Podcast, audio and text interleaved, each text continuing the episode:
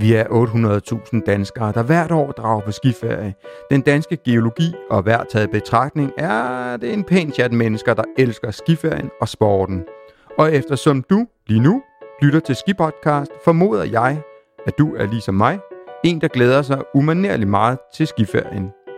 Om den er en uge, en weekend eller en sang, gør intet, du lytter til den helt rigtige podcast.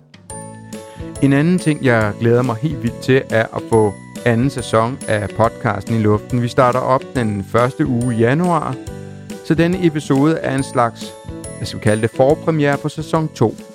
For jeg har et par hemmeligheder i et par hemmelige idéer i støbeskeen, så jeg tør godt love dig for, at sæson 2 bliver endnu bedre end sæson 1, som jeg synes egentlig var rigtig god. En af nyhederne, om man vil, er, at jeg får en medvært. Hans navn er... Ja, det er jo egentlig det her, den her lille episode handler om, hvem vedkommende er. Så lad os sætte os ind i bilen og rulle mod Amager Bakke.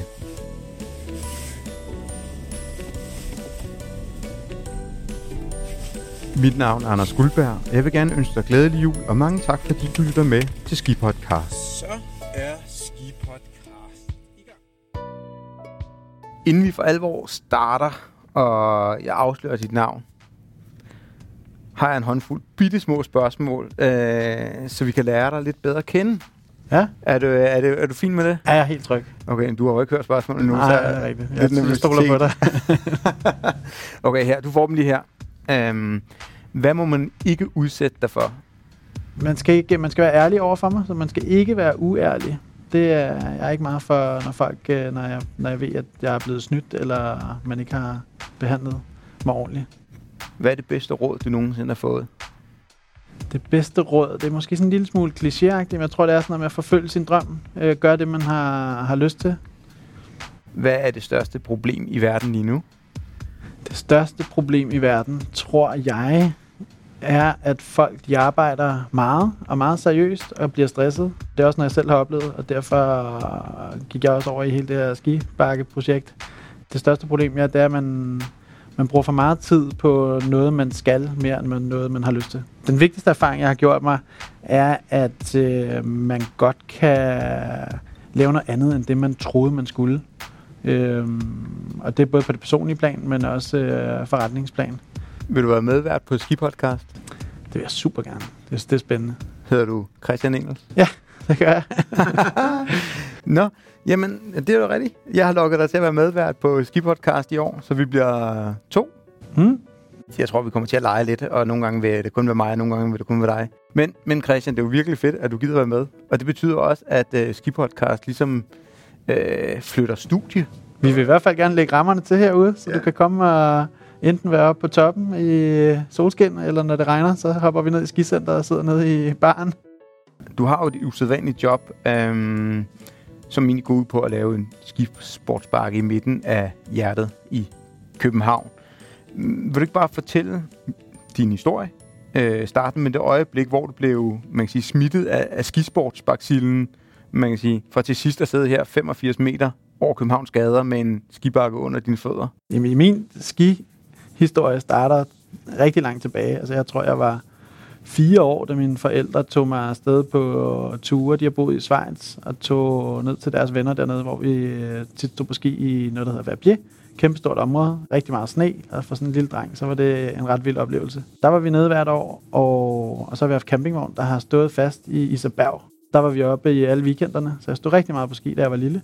Og så skete der det jo helt, at jeg brækkede mit ben, da jeg var syv eller otte år gammel eller sådan noget. Det gjorde mine forældre blev lidt forskrækket over, gud, kan det også ske? Ikke? Og det var nede i Schweiz. Så jeg var på hospitalet i en uge, og hele skiferien var ødelagt, og det hele var sådan lidt kaotisk.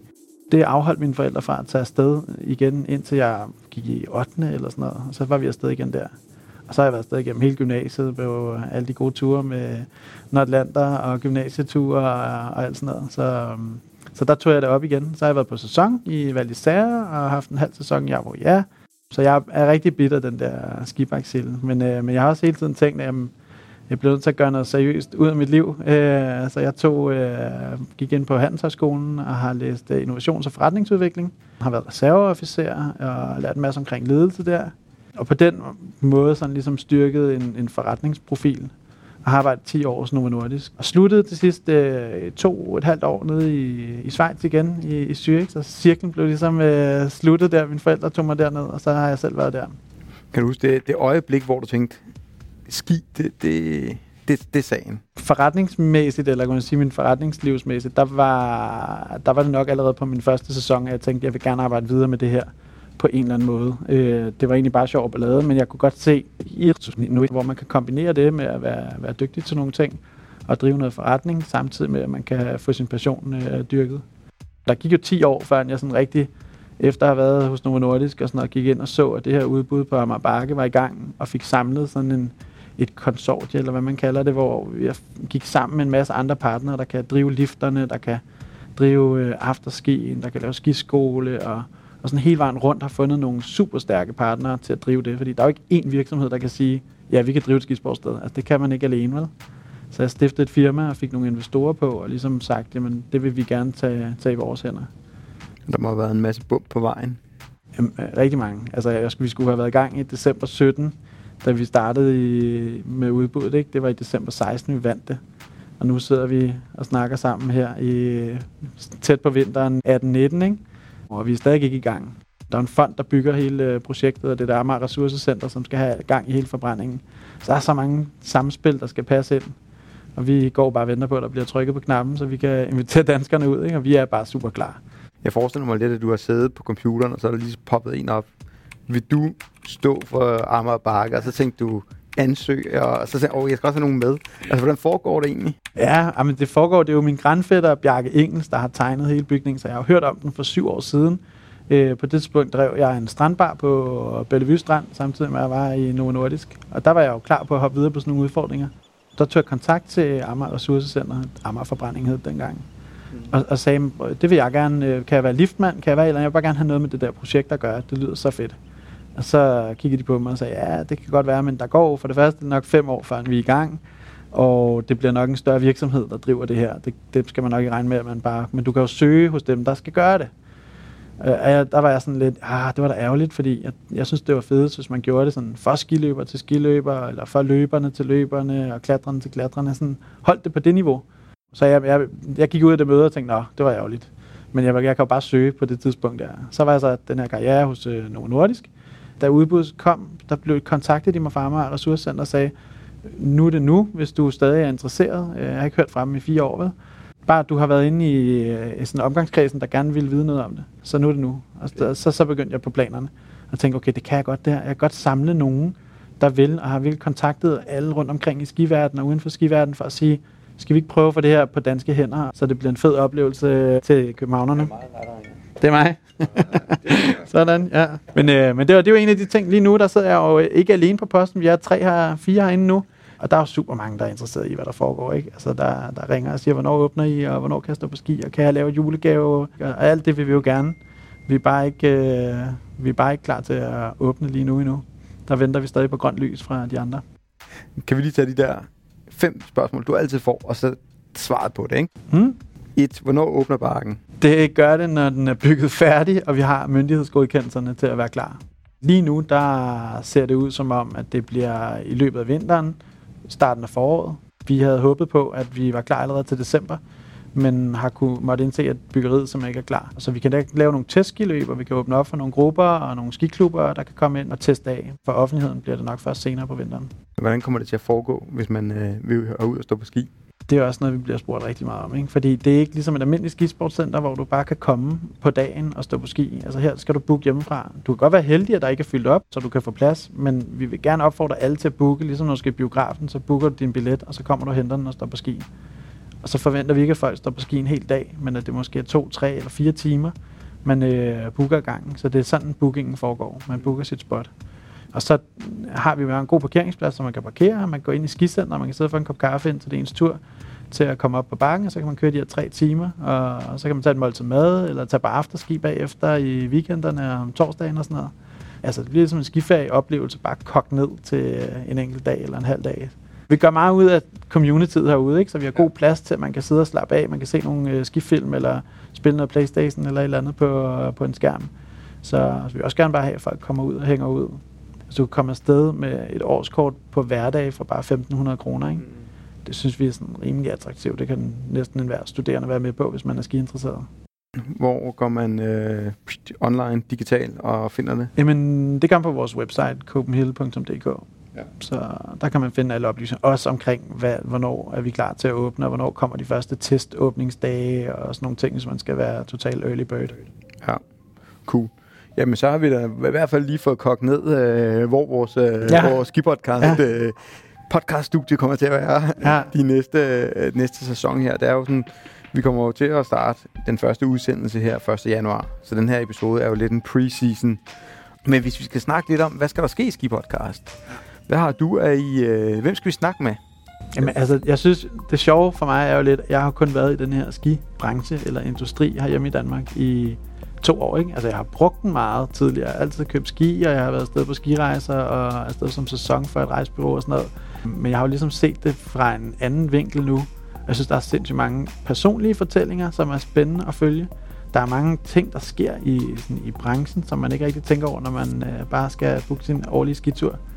Jeg synes, jeg har nogle gode idéer, og nogle, jeg har lært nogle, et persongalleri, som er super spændende at kende, som jeg tænker, man kan, kan invitere ind til en kop kaffe og en sludder. Og det kunne være lidt sjovt at invitere dem herud, og så kunne vi, kunne vi tage samtalen her i hvert fald. Ja, præcis. Lidt senere, så spænder vi et par ski på, eller et board på, og så tager vi turen ned af bakken, mens vi snakker, ikke? Øh, og jeg synes også, at vi skal prøve sådan at fastholde lidt den der med sådan tips og tricks til, at, hvad man skal afsted, og måske fortælle lidt om, hvordan vejret bliver, og, og sådan noget. For, prøve at få det med i, i, i podcasten i hvert fald. Ja, jeg synes også, det kunne være sjovt at ringe nogen op på destinationerne. Ja. Ja. Altså nu ved jeg, at du har mange følgere inde på, på Facebook, som ligesom også er interesseret i at vide noget mere om ski og sådan noget. Så siger man, når de er afsted, så ringer vi da lige til dem og får en sludder. Det skal jo siges, at øh, her til, til, til selve skipodcasten har vi jo vores, en, en Facebook-gruppe, som hedder Alle os, der elsker at stå på ski. Og allerede nu ved vi, at bare den lille gruppe, der er derinde, der er flest, der skal til, til Østrig. Men, men der er jo super mange destinationer, som, øh, som det kunne være sjovt måske prøve at se, jamen, hvordan er Japan, hvordan er øh, hvad- Serbien, hvis der er skiløb der, ikke? og hvordan er USA og sådan noget. Prøve at få nogle, få noget inspiration ind der i hvert fald. Jo, men der er jo også, altså efterhånden, så er grænserne for, hvor man står på ski, er jo, altså, de har jo rykket sig rigtig meget. Ikke? Det er jo ikke kun de traditionelle steder, som, som man kender fra sin barndom og tidligere, vel, men som du selv nævner, Canada og Japan og New Zealand og sådan noget. Ikke? Ja. Ja. Altså, der er jo virkelig, der er jo gang i den. Ja. Ja. Chile. Ja, Jamen, jeg kan, altså dengang, nu sidder vi jo her, øh, to middelalderne mænd på, på snart 40. Snart før, ja. ja, 40 en halv, ikke? Ja. Snart, oh, ja. det er jo det der, man prøver lige at sandbag på ens alder, ikke? Men, men der kan jeg da huske, ja, midt 30'erne, der kan jeg da huske dengang, at, øh, at Nikolaj Wang og alle dem der, de tog til Argentina og Iran. Det var sådan, uh, nu er det jo blevet hverdagsej. rigtig meget. Christian, jeg synes, det har været, øh, jeg synes, det er super fedt. Jeg glæder mig vildt meget til den her øh, sæson skyder i gang, og det her det er jo bare en lille kort teaser for, når vi øh, åbner den 1. januar, og så brager vi igennem. Øhm, skal vi ikke øh, ligesom give hinanden hånd og så sige, Jo. at øh, næste gang vi mødes, så har vi en, øh, en gæst med? Jo, det bliver godt. Tak for snakken, og så... Øh... Og så er vi ved at være klar til Skift Podcast sæson nummer 2.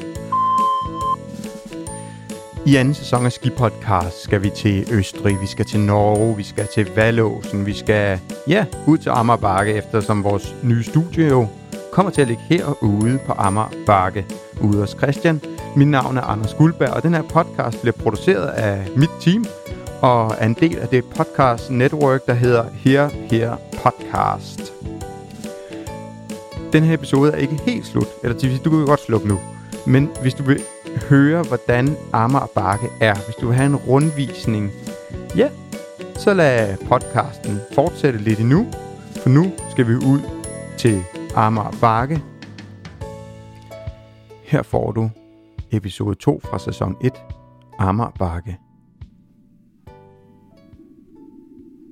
Luk øjnene og forestil dig, at du står på toppen af bjerget. Skiliften har netop bragt dig til tops. I krystalklart frostvejr kigger du ud over pisterne og bjergene. Du har den der umodståelige lyst til at tippe vægten ned over skiene og suse ned ad pisterne, imens vinden rusker i din skijakke og adrenalinet pumper rundt i blodet. Du trækker den friske luft dybt ned i lungerne.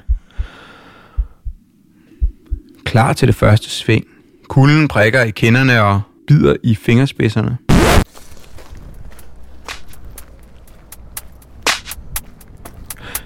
Forestil dig nu samme scenarie. Blot med den lille forskel, at du ikke er i bjergene. Lad os for eksempel forestille os, at du er midt i København. Lyden er anderledes. Udsigten er spektakulær, selvom der ikke er bjerg at se i miles omkreds. Du fryser ikke? Ja, faktisk er det 23 grader. Du har ski på, klar til første sving.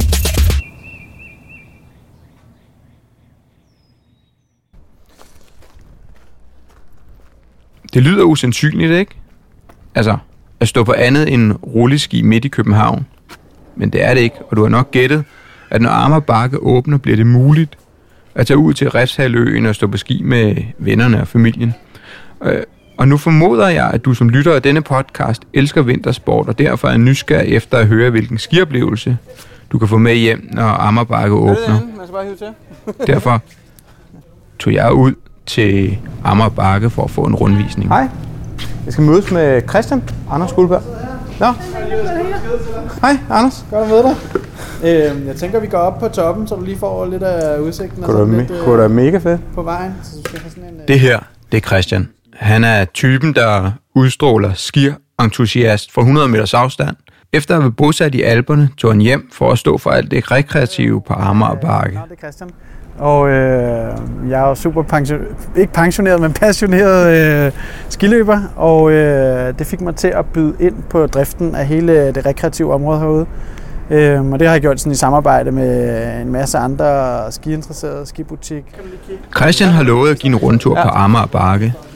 Fedt. Hovedstadens nye arkitektoniske varetegn og Danmarks største skibakke, placeret lige ovenpå det nye forbrændingsanlæg. I en elevator med glas hele vejen rundt, Fedt. så du kan se ind i anlægget og kigge ud over København, vil du blive kørt op til 12. sal, toppen af skibakken. Ja.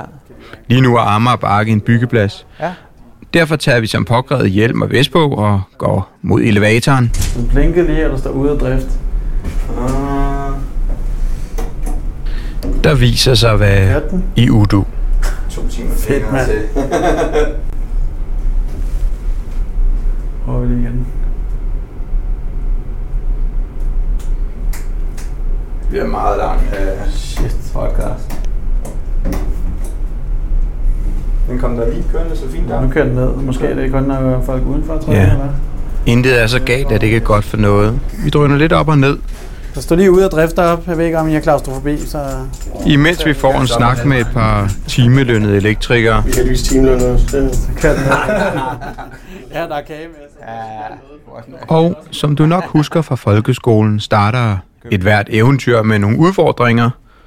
Vores var så en elevator. Men til sidst når helten frem til sin destination. Ikke at vi er helte, men vi når op på 12 etage, hvor skipisten skal starte. Vi træder ud af elevatoren. Her kommer der til at være bar og tapas-restaurant, og udsigten er helt fantastisk. Lige overfor er Sveriges kystlinje, der adskiller den blå himmel og Øresunds grønne bølger. Ud af den ene øjenkrog aner jeg flyene lande og lette ude i Kastrup Lufthavn. Jeg vender mig om. Københavns tårne ligger under mig. Nede på... Christians stemme river mig ud af min lille som, dagdrøm. Øh, så kommer til at stå for det. Og det er sådan nogle gamle danske retter i tapasform, så det er lidt meningen, at man sidder og deler over bordet, og måske ikke kun har et bord til sine tre venner, men sidder med otte andre, Ja. og, og får ligesom øh, får mødt hinanden, ikke? Øhm, Så det er, det er afterski-stedet her. Jamen det er faktisk, man, det, er, en- det er en bar, men vores sådan rigtige, der hvor vi giver fuld smæk på afterskien, det er nede ved parkeringspladsen, hvor vi kommer ind. Der kommer til at ligge sådan et skicenter. Øhm, og det bliver både en butik og udlejning, ja. Ja. og så sådan en stor café og afterski dernede. Ja. Og det er sådan lidt med tanke på, at når man sådan rigtig skal brage igennem i afterskien, så er det ikke så fedt det heroppe, og hvor man kan komme ud over kanten. ikke? Så, men der kommer herop kommer der til at være meget. Altså, det her det bliver sådan en udendørs terrasse med servering hele året rundt. Ikke? Øhm, og det bliver jo mega fedt at komme herop og så kigge ud over København. Ikke? Crazy fed udsigt. Ja, så kommer DJ's og bands til at stå deroppe og spille for 500 mennesker hernede, når der skal være nogle af de af de Ja. rigtig cool arrangementer. Ikke? Ja. Fedt. Så lad os gå ud og kigge på, på kanten ned. Ja. Det er bare sådan et sted, man kan ikke lade være at smile, når man er her. Nej, det er simpelthen så befriende. Vi går ud mod kanten. Christian giver sig tid til at forklare, hvordan pisten kommer til at se ud. Lige ned til venstre til venstre. gang jeg kommer op, så bliver det bare sådan en, ah, dejligt. Så bliver det en god dag. Så du kan se, bakken går ned her, ja. og så i et sving, og så kommer den ned til grundplan, ikke? Ja. Så den går ligesom rundt i sådan en øh, U-form. På højre side af pisten kommer der til at være en tallerkenlift, der bringer dig op. Jeg spørger lidt om Så bliver det underlaget. det her grønne neveplastunderlag, som ligger derovre egentlig, ikke? som er sådan lidt, øh, sådan lidt dørmåtte-agtigt. Og så Ja. ja. kommer der noget silikone på, så der ikke er noget friktion, når du kører. Fedt. Og det er der mange, der har været rundt og teste, og det er ligesom det, der er fundet til at være det, der Det shit. Sam, ja, det, det er sammenligneligt, eller det, der er tættest på at være ligesom sådan en, en hård pist, som du kan skære på. Ja. Der er andre underlag, som kunne være bedre til freestyle, bedre at lande på. Så er der nogle af dem, der har sprinkler-funktionalitet, så du vil blive våd, når du falder og sådan noget. Ja. Men det der er sådan all-round, det man har fundet bedst, og det, der minder mest om rigtig skiløb. Når jeg snakker med, med skiinstruktører, så mener de jo, at, at det her underlag, det er godt nok at løbe på, til du rent faktisk kan få noget skiundervisning, også selvom du er en god skiløber, ikke? Ja. Og så kan du få din skiundervisning herhjemme, inden du tager afsted på alberne, så behøver du ikke at tage en dag dernede, eller så tager du også en dag dernede for at ja. få indarbejdet det, du har tænkt over. Jeg husker i start, jeg tror der var 92, der prøvede jeg den, hvor jeg var i England og prøvede sådan en bane, hvor der også var sådan nogle på, ikke? Og der var du sikker, når du væltede der, så var du sikker på, at du ikke havde noget tøj tilbage, Ja, ja. og du havde uderskrabninger Ja. hele vejen. Ja. Det er da mega fedt, at det er kommet så, så langt. Øh, så er vores plan her at sætte sådan en øh, portbane op, ja. så, så du kan få taget tid på, hvor hurtigt du kommer ned i, i enden dernede. Og, og så lave noget, hvor man kan lave lidt konkurrenceformer, ikke? og prøve at få lavet ja. lidt sjovt at stå på ski og sige, at det tog 21 sekunder. Om hvor hurtigt gjorde Kasper Dyrby, en af vores hurtigste Ja. ja. løbere, hvor hurtigt kan han gøre det? Hvad skal ja. til, for at du kan slå ham? Ikke? Fedt. Og så hele vejen ned over i siden, lave sådan lidt obstacles og lave lidt sjov og ballade. Ja. Sådan, så man ikke bare kører fladt ned hver gang, man har Ja. sådan lidt udfordringer. Ja, Øhm, og den sidste fjerdedel af bakken, cirka herover af, det bliver sådan en øh, løberute, vandrerute. ja. Så, så når man kigger på Amager Bakke, og alle siger, at det bliver en skibakke, så, så er den ret meget andet end en skibakke også. ja. Altså, jeg tror, løb bliver kæmpestort herude. Vi kommer til at have sådan nogle crossfit-elementer stående heroppe, øh, så man kan træne, ikke? Ja. Øhm, det sidste her, det er også en sprinttur, så du kommer op på toppen, hvor der er en øh, udkigsplatform. Så, Fedt. ja, så det er lidt meningen, der skal være en masse øh, til det hele. Vi har også sjovt at komme herud, ikke? Det skal bare være skægt at lave, lave sine bjergsportsaktiviteter. Ja.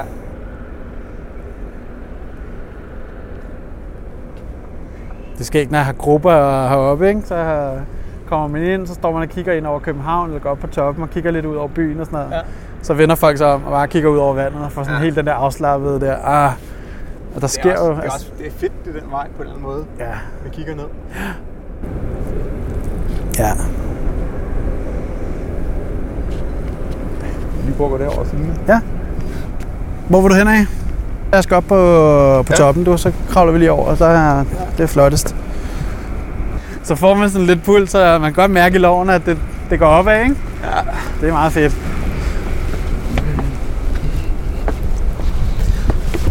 Ah, man kan altså godt mærke, at den er lidt stejl, ikke? Ja, ikke? Det er det. Ellers er det bare fordi, man kommer højt op. Og det her, det er jo de sidste 20 meter, ikke? Sådan 500 meter ned fra bunden og heroppe. Så når vi kommer til at lave løb, det bliver mega fedt. Ja.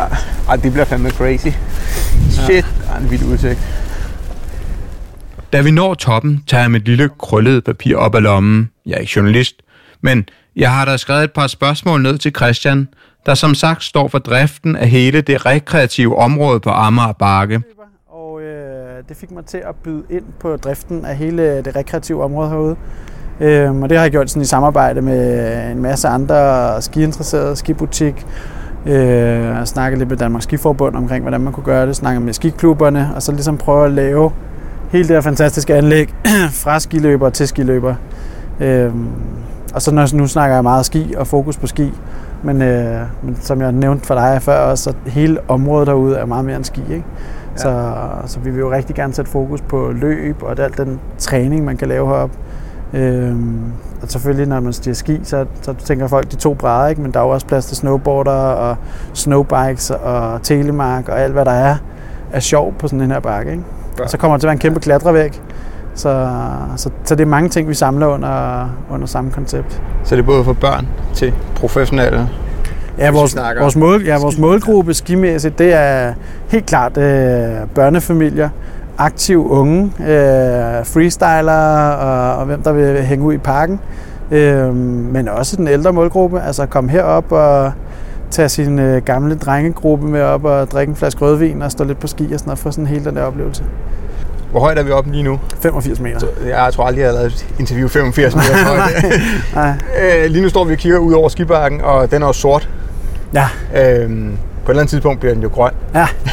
Men når det sker, hvilken oplevelse kan du, kan du, øh, kan du prøve at beskrive, hvordan en dag på Amagerbakke bliver? Ja, men jeg tror, man vil komme herud, så vil du parkere eller stille din cykel, øh, gå ned i skiudlejningen eller have din egen ski og støvler med, øh, og så komme op på toppen og så køre på ski en øh, time eller to sammen med dine øh, venner, og, og så bagefter vil du time det, så du kan tage på vores afterski nede i, i skicenteret nede i, i stueplanen, eller også så vil du tage op og spise en frokost eller en aftensmad eller et eller andet op i restauranten oppe på toppen her.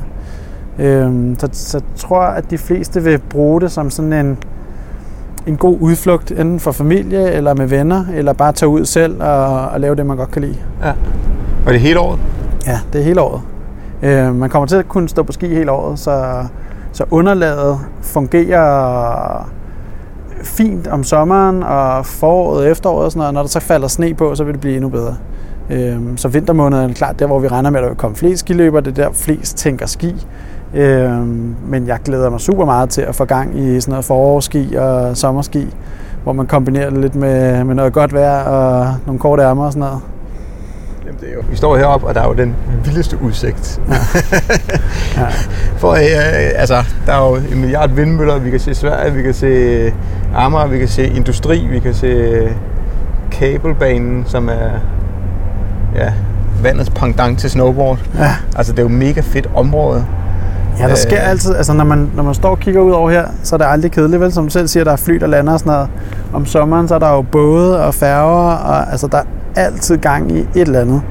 Øhm, og, og den måde, vi vil drive den her park på, er ligesom at inkludere en hel masse events i det. Så både vores øh, professionelle samarbejdspartnere, men også fra skimiljøet, og sige, "Men kom ud, lav jeres konkurrencer, lav alting, og, vær, og så tag imod de ting, sådan, så vi får en tæt pakket kalender.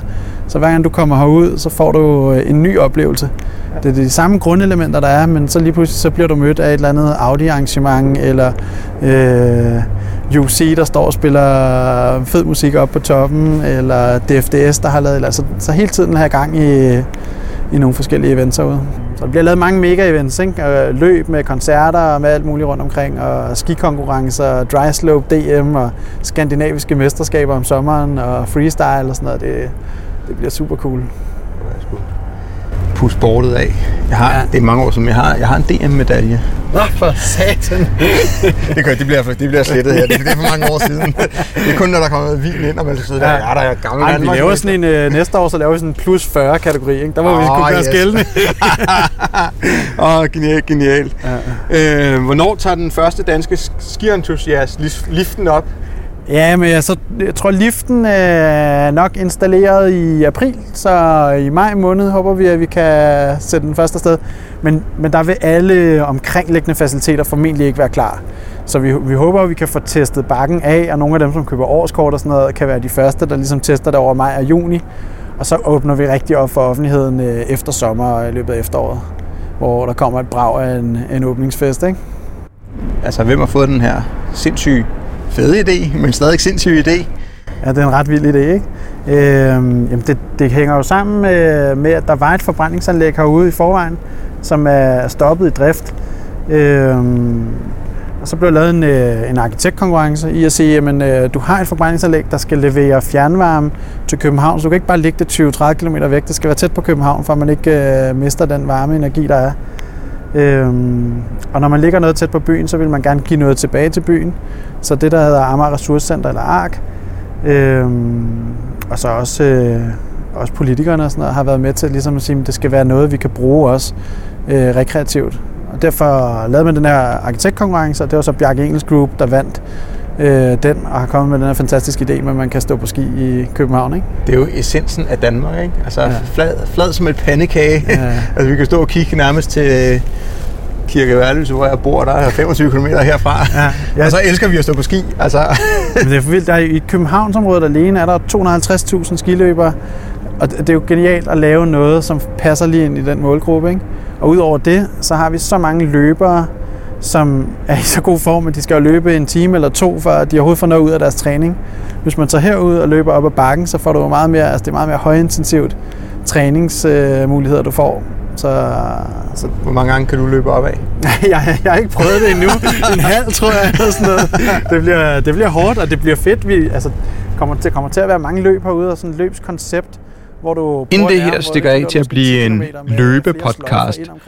Så tror jeg lige, vi vender tilbage til ski. Så derfor spurgte jeg Christian, hvad det her ski-community handler om, som bliver knyttet til Amager Bakke. Vi prøver at samle sådan lidt en... Øh, ikke en forbrugergruppe eller interessegruppe, eller sådan lave lidt eller FDM, bare for skiløbere. Så alt det, vi har af interesse, alle os, der er passionerede skiløbere, om det er at få noget rejserabat, eller udstyrsrabat, eller forsikringer billigere, eller øh, vejhjælp til bil, og alle de ting, som man egentlig går i sin dagligdag og har brug for som skiløber. Og sige, jamen, er du meldt ind i det her community her, så får du en masse fordele. Og det er vi jo i gang med at forhandle nu med samarbejdspartnere som så modsat kan sige, at de får adgang til det her det fantastiske bakke til at lave en masse events og arrangementer. Øhm, så, så det bliver spændende, og den større, en af de største fordele i det ski-community, det er, er selvfølgelig, at man kommer til at stå billigere på ski herude. Så, så vi, vi går ud med nogle timepriser, og så vil du få væsentlige rabatter, hvis du er med i det her community. Ja. Og samtidig så prøver vi at lave andre aktive, altså vi, vores sådan vores eksistensberettigelse er, at vi gerne vil have, at folk er aktive sammen. Om det er skiløb, eller løb, eller klatring. Vi vil bare gerne have, at folk kommer ud og er mere aktive. Ikke?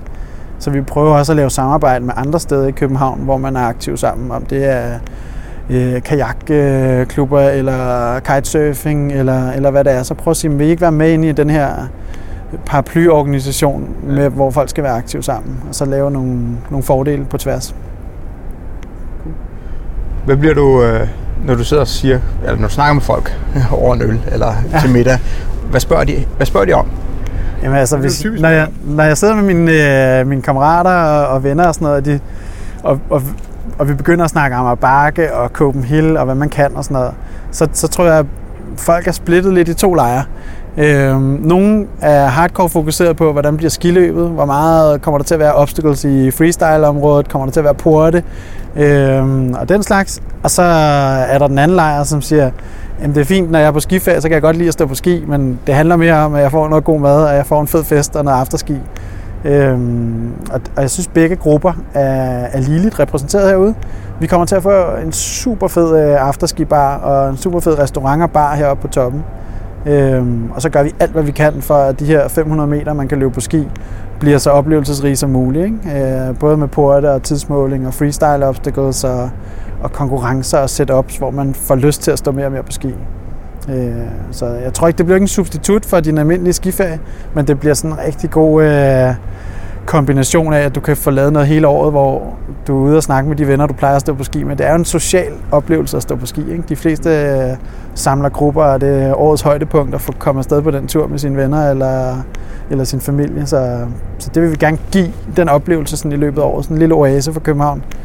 Øhm, Så det sidste, det sidste spørgsmål må jo næsten være, hvad er fedest, Valby Bakke eller Amager Bakke? Ja, det vil jeg jo ikke svare på. Altså, der er jo folk fra Valby Bakke, jeg træder over tæerne, hvis jeg siger, det er Amager Bakke. Men, øh, ja, min, min præference er Amager vi godt blive Bakke. om, det her det er væsentligt federe, Ja, ikke? jo, det vil Og jeg det er vel også større. Ja, ja, det er, det er genialt setup, og det bliver fedt. Det bliver nemlig rigtig, rigtig fedt, når Amager Bakke åbner næste år. Men det var så også nok for i dag. Nu vil jeg gerne bede dig om én ting. Kun én ting. Det er at abonnere, subscribe på den her podcast. Fordi så vil du få de næste mange episoder.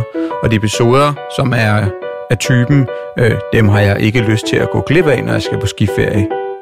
Derudover, så må du have det rigtig, rigtig godt, og så må du ligesom mig glæde dig til at skulle på skiferie.